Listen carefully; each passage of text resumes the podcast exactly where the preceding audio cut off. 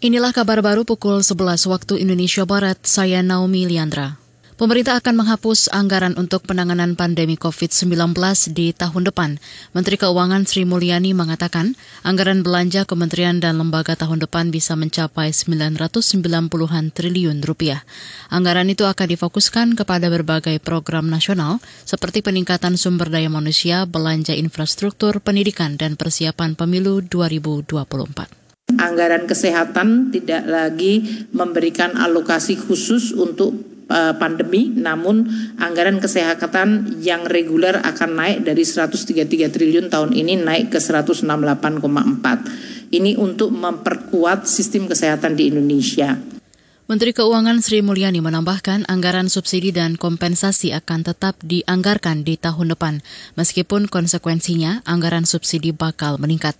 Selain itu, tahun ini Presiden juga akan meminta dibuatkan simulasi untuk APBN seandainya kondisi global tidak kunjung membaik, sehingga kondisi ekonomi Indonesia tetap bisa terjaga. Komisi Nasional Hak Asasi Manusia Komnas HAM menyatakan pemeriksaan balistik terkait tewasnya Brigadir Yosua atau Brigadir J sangat strategis.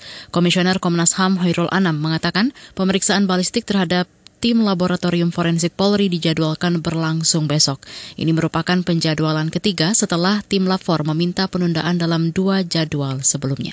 Yang kita agendakan minggu ini dan kami punya apa kebutuhan yang sangat strategis itu adalah balistik yang sudah tertunda beberapa waktu.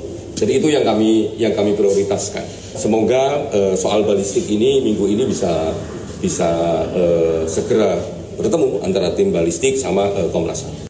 Komisioner Komnas HAM Hoirul Anam mengatakan hari ini lembaganya akan melanjutkan pemeriksaan cyber terhadap 5 dari 15 telepon genggam yang disita. 5 ponsel milik mereka yang terlibat dalam kasus polisi tembak polisi itu belum diperiksa karena alasan masih diproses oleh tim cyber Polri. Beralih ke informasi mancanegara, Saudara, banjir parah menerjang Korea Selatan, tepatnya wilayah Seoul dan sekitarnya kemarin.